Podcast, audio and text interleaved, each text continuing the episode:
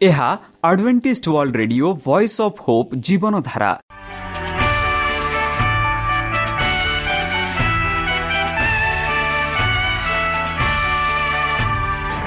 Odia radio କାର୍ଯ୍ୟକ୍ରମ ଯାହା ଆମର ଆନ୍ତର୍ଜାତୀୟ ଆଘାତ କେନ୍ଦ୍ରରୁ ପ୍ରସାରଣ କରାଯାଉଛି ପ୍ରତିଦିନ ରାତି ନଅଟା ତିରିଶ ମିନିଟ୍ରେ।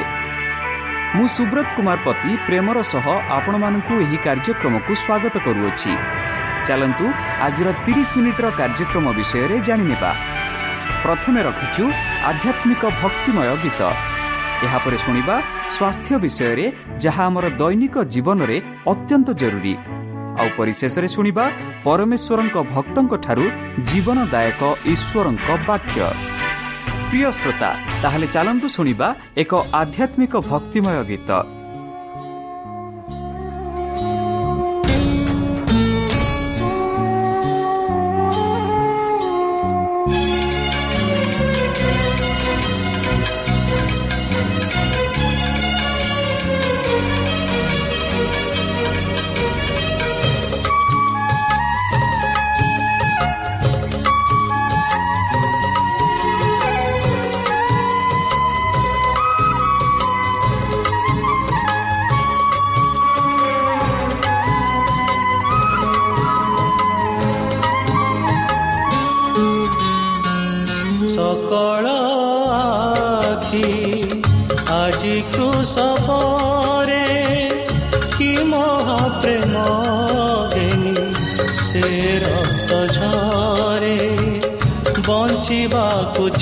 ଚାହେଁ ଯେ ଜଗତରେ ବଞ୍ଚିବାକୁ ଚାହେଁ ଯେ ଜଗତରେ କେବଳ ତାହାରି ପାଇଁ ସେ ରକ୍ତ ଝରେ ସକଳ ଆଖି ଆଜି କୃଷ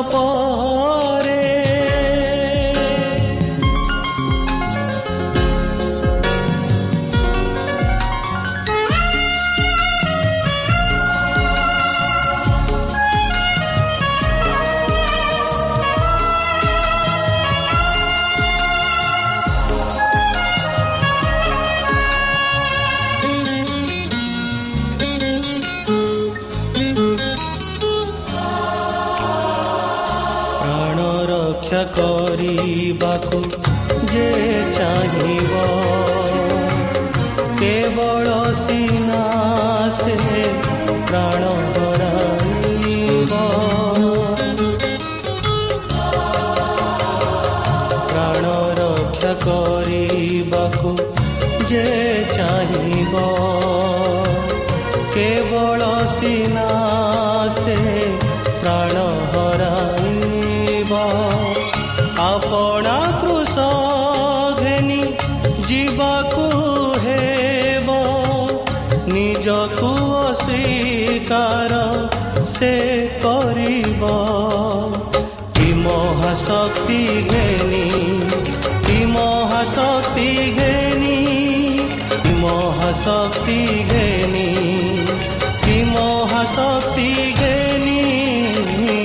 सकळ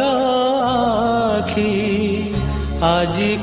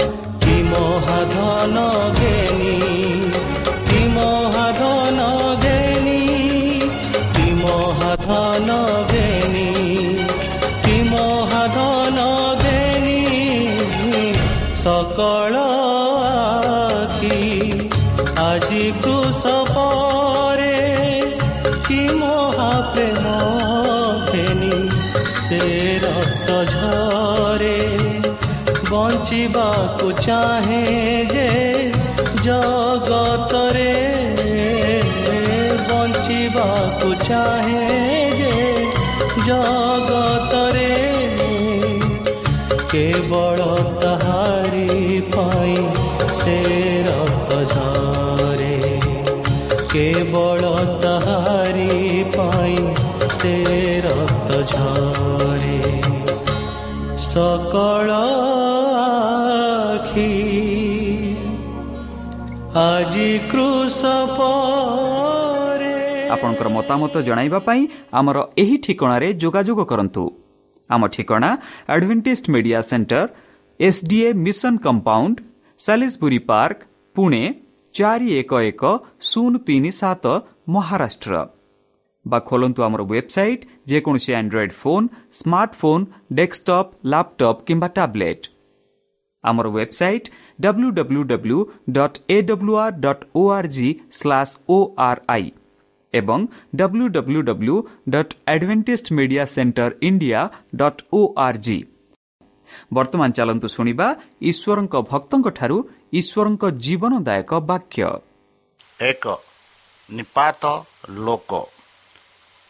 ନମସ୍କାର ପ୍ରିୟ ଶ୍ରୋତା ସେହି ସର୍ବଶକ୍ତି ସର୍ବଜ୍ଞାନୀ ପ୍ରେମର ସାଗର ଦୟାମୟ ଅନ୍ତର୍ଜମୀ ଅନୁଗ୍ରହ ପରମ ପିତାଙ୍କ ମଧୁର ନାମରେ ମୋ ପାଷ୍ଟ ପୂର୍ଣ୍ଣଚନ୍ଦ୍ର ଆଉ ଥରେ ଆପଣମାନଙ୍କୁ ଏହି କାର୍ଯ୍ୟକ୍ରମରେ ସ୍ୱାଗତ କରୁଅଛି।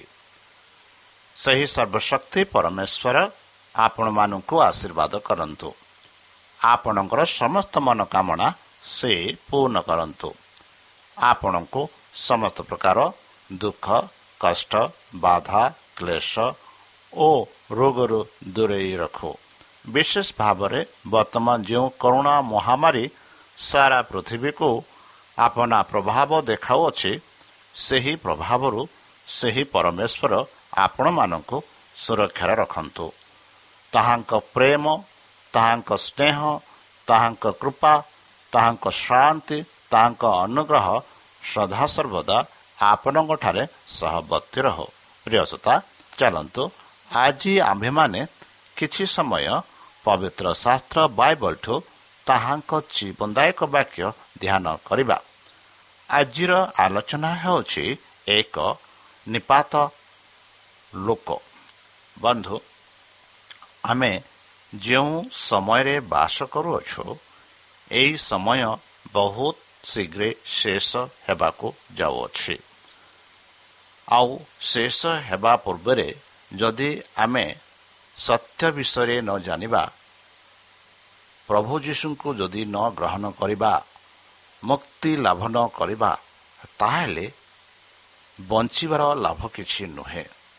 ବନ୍ଧୁ ଯେପରି ଖ୍ରୀଷ୍ଟଙ୍କ ଚିରିସାଲମକୁ ବିଜୟ ଅର୍ଥ ସ୍ୱର୍ଗର ବେଘରେ ଶକ୍ତି ଏବଂ ଗୌରବ ସହିତ ଆସିବାର ଅନ୍ଧକାରର ପ୍ରତୀକ ଥିଲା ସ୍ୱର୍ଗଦୂତମାନଙ୍କ ବିଜୟ ଏବଂ ସାଧୁମାନଙ୍କ ଆନନ୍ଦ ମଧ୍ୟରେ ଏହା ପରେ ଯାଜକ ଓ ଫାରୁସୀମାନଙ୍କ ଖ୍ରୀଷ୍ଟଙ୍କ ବାକ୍ୟ ପୂର୍ଣ୍ଣ ହେବ।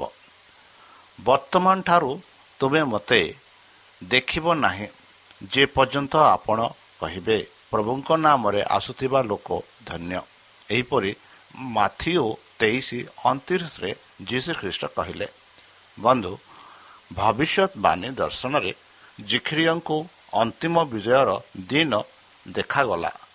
ସେ ପ୍ରଥମ ଥର ଆସିବା ପରେ ଖ୍ରୀଷ୍ଟଙ୍କୁ ପ୍ରତ୍ୟାଖ୍ୟାନ କରିଥିବା ଲୋକମାନଙ୍କର ଦଣ୍ଡ ମଧ୍ୟ ଦେଖିଥିଲେ। ସେମାନେ ଯାହାଙ୍କୁ ବିଧ କରିଛନ୍ତି ସେମାନେ ତାହା ଦେଖିବେ ଏବଂ ସେମାନେ ତାଙ୍କ ପାଇଁ ଶୋକ କରିବେ। ଯେପରି ଜଣେ ତାଙ୍କର ଏକମାତ୍ର ପୁତ୍ର ପାଇଁ ଶୋକ କରିବେ ଏବଂ ତାଙ୍କ ପାଇଁ ତିକ୍ତ ହେବେ।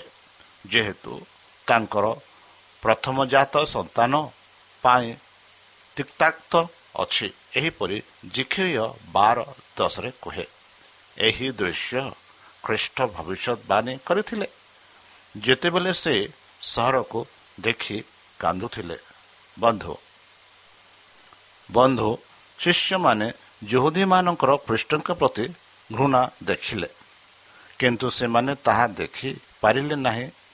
ସେମାନେ ଏପର୍ଯ୍ୟନ୍ତ ଇସ୍ରାଏଲର ପ୍ରକୃତ ଅବସ୍ଥା ବୁଝିପାରିଲେ ନାହିଁ କିମ୍ବା ଜେରୁସାଲମ ଉପରେ ହେବାକୁ ଥିବା ଦଣ୍ଡକୁ ମଧ୍ୟ ବୁଝିପାରିଲେ ନାହିଁ। ଏହି ଖ୍ରୀଷ୍ଟ ସେମାନଙ୍କ ପାଇଁ ଏକ ଗୁରୁତ୍ୱପୂର୍ଣ୍ଣ ସ୍ୱସ୍ଥ ବସ୍ତୁ ଶିକ୍ଷା ଦ୍ୱାରା ଖୋଲିଥିଲେ।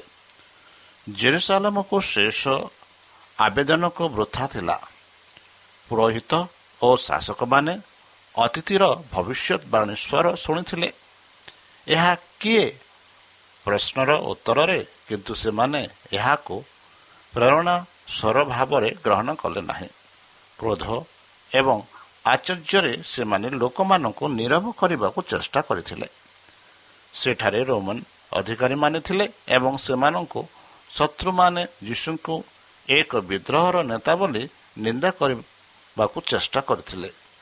ସେମାନେ ପ୍ରତିନିଧିତ୍ୱ କଲେ ଯେ ସେ ମନ୍ଦିର ଅଧିକାର କରିବାକୁ ଯାଉଛନ୍ତି ଏବଂ ଜେରୁସାଲାମରେ ରାଜା ଭାବରେ ରାଜତ୍ୱ କରିବାକୁ ଯାଉଛନ୍ତି ଏହିପରି ସେମାନେ ପ୍ରତିନିଧିତ୍ୱ କରିଥିଲେ।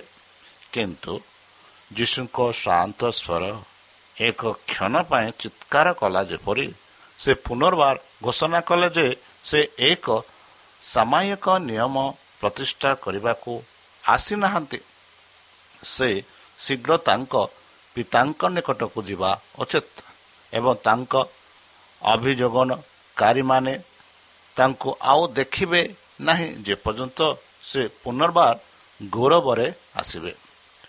ତାପରେ ସେମାନଙ୍କର ପରିତ୍ରାଣ ପାଇଁ ବହୁତ ବିଳମ୍ବ ହେବ। ସେମାନେ ତାଙ୍କୁ ସ୍ୱୀକାର କରିବେ। ଏହି ବାକ୍ୟ ଗୁଡ଼ିକ ଯୀଶୁ ଦୁଃଖ ଏବଂ ଏକକ ଶକ୍ତି ସହିତ କହିଥିଲେ। ରୋମାନ ଅଧିକାରୀମାନେ ନିରବ ରହିଲେ।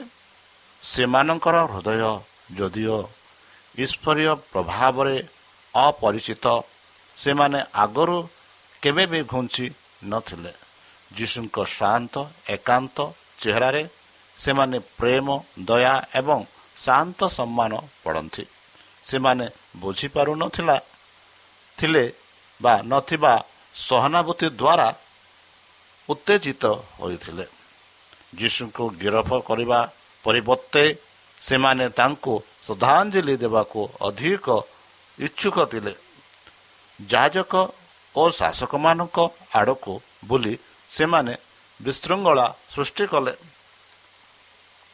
ଏହି ନେତାମାନେ ଏହି ସମୟରେ ଯୀଶୁ ଅଜ୍ଞାତ ହୋଇ ମନ୍ଦିରକୁ ଗଲେ।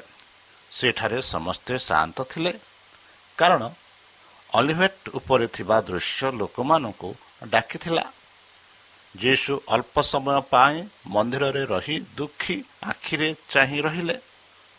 ତାପରେ ସେ ନିଜ ଶିଷ୍ୟମାନଙ୍କ ସହିତ ଯାଇ ବେଥନିଆକୁ ଫେରିଗଲେ। ଯେତେବେଳେ ଲୋକମାନେ ତାହାଙ୍କୁ ସିଂହାସନରେ ବସାଇବାକୁ ଚାହିଁଲେ ସେତେବେଳେ ସେ ପାଇଲେ ନାହିଁ। ଯୀଶୁ ରାତିସାରା ପ୍ରାର୍ଥନା କଲେ। ଓ ସକାଳେ ସେ ପୁଣି ମନ୍ଦିରକୁ ଆସିଲେ। ବାଟରେ ସେ ଏକ ଡିମିରି ବଗିଚା ଅତିକ୍ରମ କଲେ। ସେ ଭୋକିଲା ଥିଲେ ଏବଂ ଦୂରରୁ ଏକ ଡିମିରି ଗଛ ଦେଖି ପତ୍ର ଆସିଲେ ସେ ଆସିଲେ ଯଦି ସେ ସେଥିରୁ କିଛି ପାଇପାରନ୍ତି ଏବଂ ଯେତେବେଳେ ସେ ଏହା ନିକଟକୁ ଆସିଲେ ସେ ପତ୍ର ଛଡ଼ା ଆଉ କିଛି ପାଇଲେ ନାହିଁ। ଡିମୁରି ସମୟ ଏପର୍ଯ୍ୟନ୍ତ ହୋଇନଥିଲା। କିଛି ନିର୍ଦ୍ଦିଷ୍ଟ ସ୍ଥାନ ବ୍ୟତୀତ ପାଚିଲା ଡିମୁରି ପାଇଁ ଏହା ତ ନୁହେଁ ଏବଂ ଜେରୁସାଲାମର ଉଚ୍ଚ ଭୂମିରେ ଏହା ପ୍ରକୃତରେ କୁହାଯାଇପାରେ। ଡିମିରି ସମୟ ଏପର୍ଯ୍ୟନ୍ତ ହୋଇନଥିଲା କିନ୍ତୁ ଯେଉଁ ବଗିଚାରେ ଯୀଶୁ ଆସୁଥିଲେ ଗୋଟିଏ ଗଛ ଅନ୍ୟ ସମସ୍ତଙ୍କ ଆଗରେ ଥିବା ପରି ଦେଖାଗଲା। ଏହା ପୂର୍ବରୁ ପତ୍ରରେ ଆଚ୍ଛାଦିତ ହୋଇଥିଲା। ଡିମିରି ଗଛର ପ୍ରକୃତି ହେଉଛି ପତ୍ର ଖୋଲିବା ପୂର୍ବରୁ ବଢ଼ୁଥିବା ଫଳ ଦେଖାଯାଏ। ତେଣୁ ପୂର୍ଣ୍ଣ ପତ୍ରରେ ଥିବା ଏହି ଗଛ ଭଲ ବିକଶିତ ଫଳରେ ପ୍ରତିଷ୍ଠିତ ହେଲା। କିନ୍ତୁ ଏହାର ରୂପ ପ୍ରତାରଣକାରୀ ଥିଲା। ଏହାର ଶାଖା ଗୁଡ଼ିକ ହଜିବା ପରେ ସର୍ବନିମ୍ନ ଡାଲକୁ ଉପର ଡାକ ପର୍ଯ୍ୟନ୍ତ ଯୀଶୁ ପତ୍ର ଛଡ଼ା ଆଉ କିଛି ପାଇଲେ ନାହିଁ। ଏହା ଏକ ସୁନ୍ଦର ସୁନ୍ଦର ପତ୍ର ଥିଲା ଆଉ କିଛି ନୁହେଁ। ପୃଷ୍ଠ ଏହା ବିରୁଦ୍ଧରେ ଶୁଖିଲା ଅଭିଶାପ ଦେଇଥିଲେ। ସେ କହିଲେ ପରବର୍ତ୍ତୀ ସମୟରେ କୌଣସି ଲୋକ ତୁମର ଫଳ ଖାଇବ ନାହିଁ। ପରଦିନ ସକାଳେ ତ୍ରାଣକର୍ତ୍ତା ଏବଂ ତାଙ୍କ ଶିଷ୍ୟମାନେ ପୁନର୍ବାର ସହରକୁ ଯିବା ବେଳେ ବିସ୍ଫୋରଣ ହୋଇଥିବା ଶାଖା ଏବଂ ପତ୍ର ସେମାନଙ୍କ ଦୃଷ୍ଟି ଆକର୍ଷଣ କଲା। ପିତର କହିଲା ଗୁରୁ ତୁମେ ଅଭିଶାପ ଦେଇଥିବା ଡିମୁରି ଗଛ ଶୁଖିଯାଇଛି। ଡିମିରି ଗଛକୁ ଅଭିଶାପ ଦେବାର କୃଷ୍ଣଙ୍କ କାର୍ଯ୍ୟ ଶିଷ୍ୟମାନଙ୍କୁ ଆଚର୍ଯ୍ୟ କରିଥିଲା। ତାଙ୍କର ମାର୍ଗ ଏବଂ କାର୍ଯ୍ୟ ଏପରି ଏହା ସେମାନଙ୍କୁ ଲାଗୁଥିଲା। ପ୍ରାୟତଃ ସେମାନେ ଶୁଣିଥିଲେ ଯେ ସେ ଘୋଷଣା କରିଛନ୍ତି ଯେ ସେ ଜଗତକୁ ନିନ୍ଦା କରିବାକୁ ଆସିନାହାନ୍ତି କିନ୍ତୁ ତାଙ୍କ ମାଧ୍ୟମରେ ଜଗତ ଉଦ୍ଧାର ପାଇବ। ସେମାନେ ତାଙ୍କ କଥା ମାନେ ପାଇଲେ ବା ବୁଝିଲେ ପକାଇଲେ। ମନୁଷ୍ୟ ପୁତ୍ର ମନୁଷ୍ୟର ଜୀବନ ନଷ୍ଟ କରିବାକୁ ଆସିନାହାନ୍ତି ବରଂ ସେମାନଙ୍କୁ ଉଦ୍ଧାର କରିବାକୁ ଆସିଅଛନ୍ତି। ଏହିପରି ଲୁକ ନଅ ଛବନରେ ଲେଖାଯାଇଅଛି। ବନ୍ଧୁ ତାଙ୍କର ଚମତ୍କାର କାର୍ଯ୍ୟଗୁଡ଼ିକ ପୁନରୁଦ୍ଧାର ପାଇଁ କରାଯାଇଥିଲା। କେବେ ବି ବିନାଶ କରିବାକୁ ନୁହେଁ। ଶିଷ୍ୟମାନେ ତାଙ୍କୁ କେବଳ ପୁନରୁଦ୍ଧାରକାରୀ ଆରୋଗ୍ୟକାରୀ ଭାବରେ ଜାଣିଥିଲେ। ଏହି କାର୍ଯ୍ୟ ଏକାକି ଠିଆ ହୋଇଥିଲା। ଏହାର ଉଦ୍ଦେଶ୍ୟ କ'ଣ ଥିଲା? ସେମାନେ ପ୍ରଶ୍ନ କଲେ। ଈଶ୍ୱର ଦୟାରେ ଆନନ୍ଦ କରନ୍ତି। ପ୍ରଭୁ ପରମେଶ୍ୱର କୁହନ୍ତି ମୁଁ ଜୀବିତ ଥିବାବେଳେ ଦୁଷ୍ଟମାନଙ୍କ ମୃତ୍ୟୁର ମୋତେ କୌଣସି ଆନନ୍ଦ ନାହିଁ। ଏହିପରି ମିକ୍ଷା ସାତ ଅଠରରେ ଲେଖାଯାଇଛି। ଜି କଲ ତେତିଶ ଏଗାର ଲେଖାଯାଇଛି ତାଙ୍କ ପାଇଁ ବିନାଶର କାର୍ଯ୍ୟ ଏବଂ ବିଚାର ନିନ୍ଦା ଏକ ଆବଜ କାର୍ଯ୍ୟ। ଜିସାୟ ଅଠାଇଶ ଏକୋଇଶରେ କୁହେ କିନ୍ତୁ ଦୟା ଏବଂ ପ୍ରେମରେ ହିଁ ସେ ଭବିଷ୍ୟତର ପରଦା ଉଠାନ୍ତି ଏବଂ ମନୁଷ୍ୟର ପାପର ପରିଣାମ ପ୍ରକାଶ କରନ୍ତି। ବନ୍ଧୁ ଡିମିରି ଗଛର ଅଭିଶାପ ଏକ ଦୃଷ୍ଟାନ୍ତମୂଳକ ଦୃଷ୍ଟାନ୍ତ ଥିଲା। ସେହି ବନ୍ଧ୍ୟା ଗଛ ଖ୍ରୀଷ୍ଟଙ୍କ ସାମ୍ନାରେ ଏହାର ସୁନ୍ଦର ପ୍ରକୃତ ଚିତ୍ରଣ କରି ଜିହୁଦୀ ଜାତିର ପ୍ରତୀକ ଥିଲା। ତ୍ରାଣକର୍ତ୍ତା ନିଜ ଶିଷ୍ୟମାନଙ୍କୁ ଇସ୍ରାଏଲର ବିନାଶର କାରଣ ଏବଂ ନିଶ୍ଚିତତା ବିଷୟରେ ସ୍ପଷ୍ଟ କରିବାକୁ ଚାହୁଁଥିଲେ। ଏହି ଉଦ୍ଦେଶ୍ୟ ପାଇଁ ସେ ବୃକ୍ଷକୁ ନୈତିକ ଗୁଣ ସହିତ ବିନିଯୋଗ କରିଥିଲେ ଏବଂ ଏହା ଈଶ୍ୱରୀୟ ସତ୍ୟର ପ୍ରକାଶକ କରିଥିଲେ। ବାହାର ନିଷ୍ପତ୍ତି ଅନ୍ୟ ସମସ୍ତ ଜାତିଗଣରୁ ଜୁହୁଦୀମାନଙ୍କୁ ଠିଆ କୁହନ୍ତି ଈଶ୍ୱରଙ୍କ ପ୍ରତି ବିଶ୍ୱସ୍ତତା। ସେମାନେ ତାଙ୍କୁ ବିଶେଷ ଭାବରେ ଅନୁଗ୍ରହ କରିଥିଲେ ଏବଂ ସେମାନେ ଅନ୍ୟ ସମସ୍ତଙ୍କ ଅପେକ୍ଷା ଧାର୍ମିକତା ଦାବି କରୁଥିଲେ। କିନ୍ତୁ ଦୁନିଆର ପ୍ରେମ ଏବଂ ଲାଭର ଲୋଭ ଦ୍ୱାରା ସେମାନେ ଭ୍ରଷ୍ଟ ହୋଇଗଲେ। ସେମାନେ ସେମାନଙ୍କର ଜ୍ଞାନ ବିଷୟରେ ଗର୍ବ କଲେ। କିନ୍ତୁ ସେମାନେ ଈଶ୍ୱରଙ୍କ ଆବଶ୍ୟକତା ବିଷୟରେ ଅଜ୍ଞ ଥିଲେ ଏବଂ କପଟିରେ ପରିପୂର୍ଣ୍ଣ ଥିଲେ। ବନ୍ଧ୍ୟା ଗଛ ପରି ସେମାନେ ସେମାନଙ୍କ ସୁନ୍ଦର ଶାଖାଗୁଡ଼ିକୁ ଉଚ୍ଚରେ ବିସ୍ତାର କଲେ। ଦୃଶ୍ୟରେ ବିଳାସପୂର୍ଣ୍ଣ ଏବଂ ଆଖିରେ ସୁନ୍ଦର କିନ୍ତୁ ସେମାନେ ପତ୍ର ଛଡ଼ା ଆଉ କିଛି ଦେଲେ ନାହିଁ। ଯୌହୁଦୀ ଧର୍ମ ଏହାର ଚମତ୍କାର ମନ୍ଦିର ଏହାର ପବିତ୍ର ଯଜ୍ଞ ଏହାର ପୁରୋହିତ ଏବଂ ଚିତ୍ତାକର୍ଷକ ସମାହାର ସହିତ ବାହ୍ୟ ରୂପରେ ନ୍ୟାୟପୂର୍ଣ୍ଣ ନ୍ୟାୟପୂର୍ଣ୍ଣ ଥିଲା କିନ୍ତୁ ନମ୍ରତା ପ୍ରେମ ଏବଂ ଦୟା ଅଭାବ ଥିଲା ସେମାନଙ୍କଠାରେ। ଡିମିରି ବଗିଚାରେ ଥିବା ସମସ୍ତ ଗଛ ଫଳର ଅଭାବ ଥିଲା କିନ୍ତୁ ପତ୍ରହୀନ ଗଛଗୁଡ଼ିକ କୌଣସି ଆଶା ବଢ଼ିଲା ନାହିଁ ଏବଂ ବିନାଶ କଲା ନାହିଁ।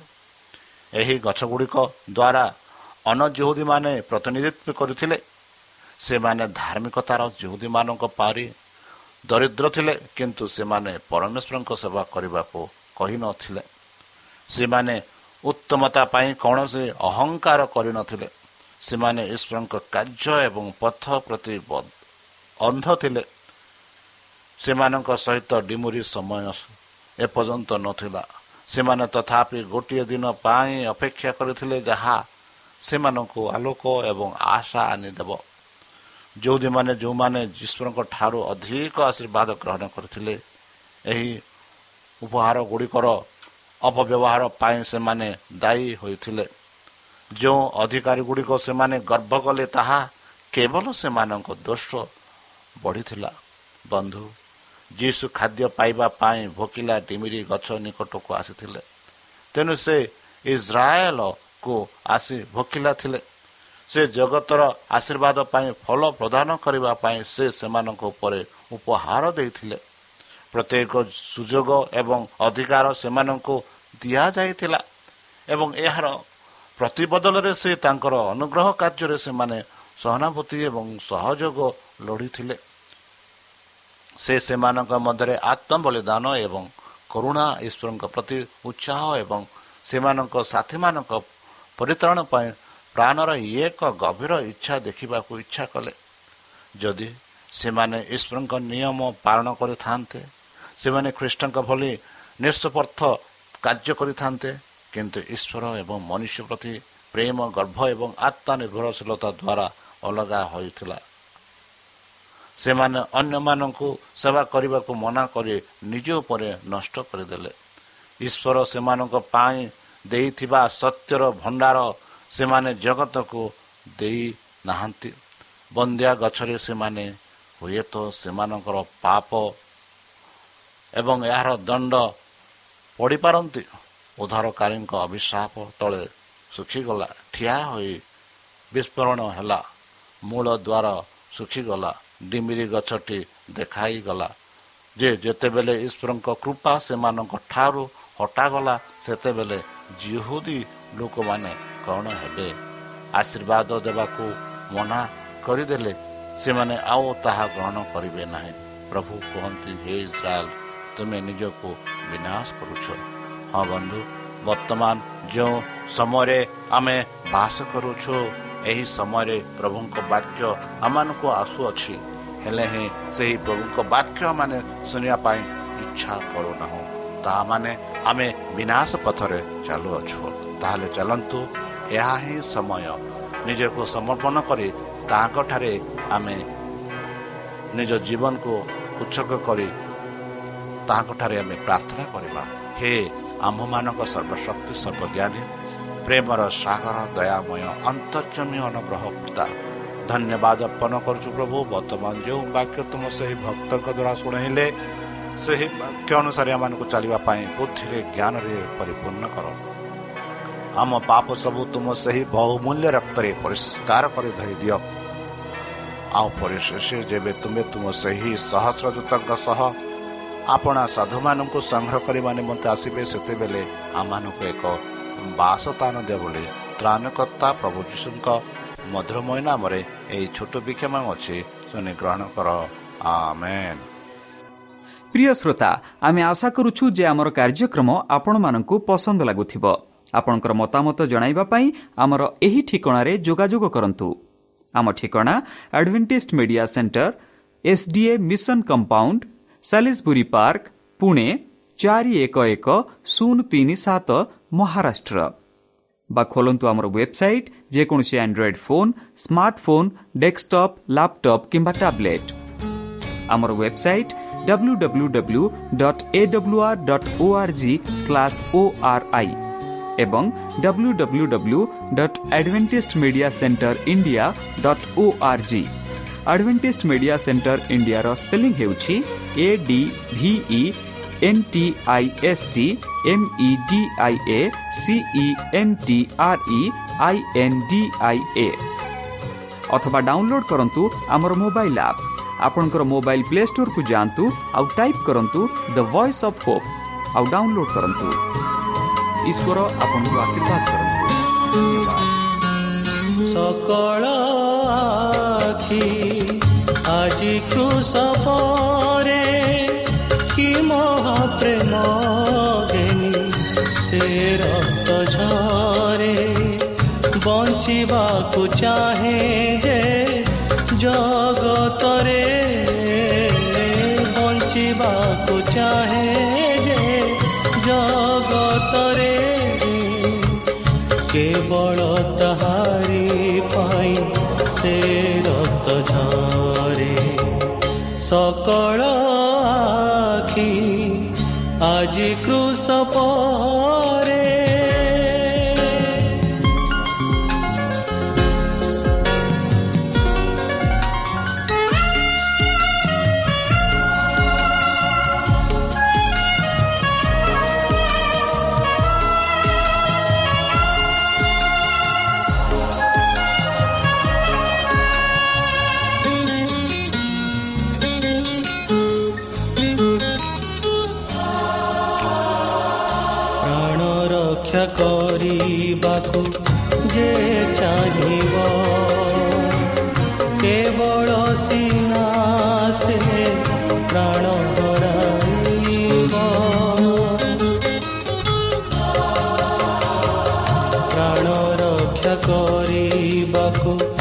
yeah.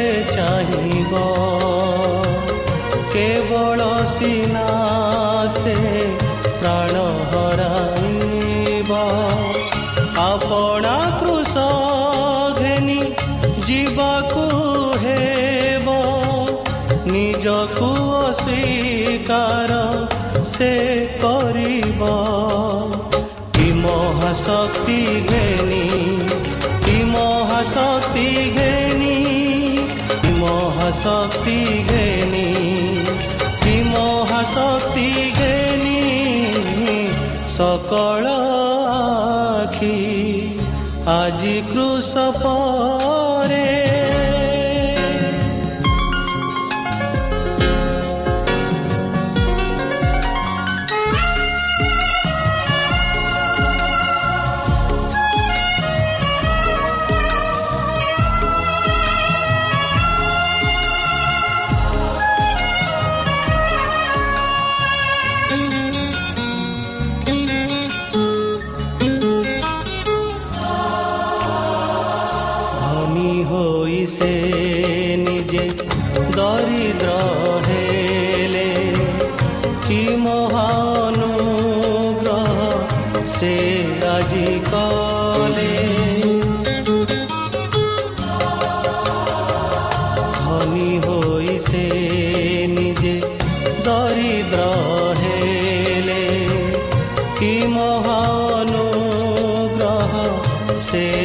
ରାଜି କଲେ ତାଙ୍କ ଦରିଦ୍ରତା ଦେଇ ପୁଅ ଧନବାନ ଯେ ଧନ କେହି ଚୋରି କରି ନ ପାର।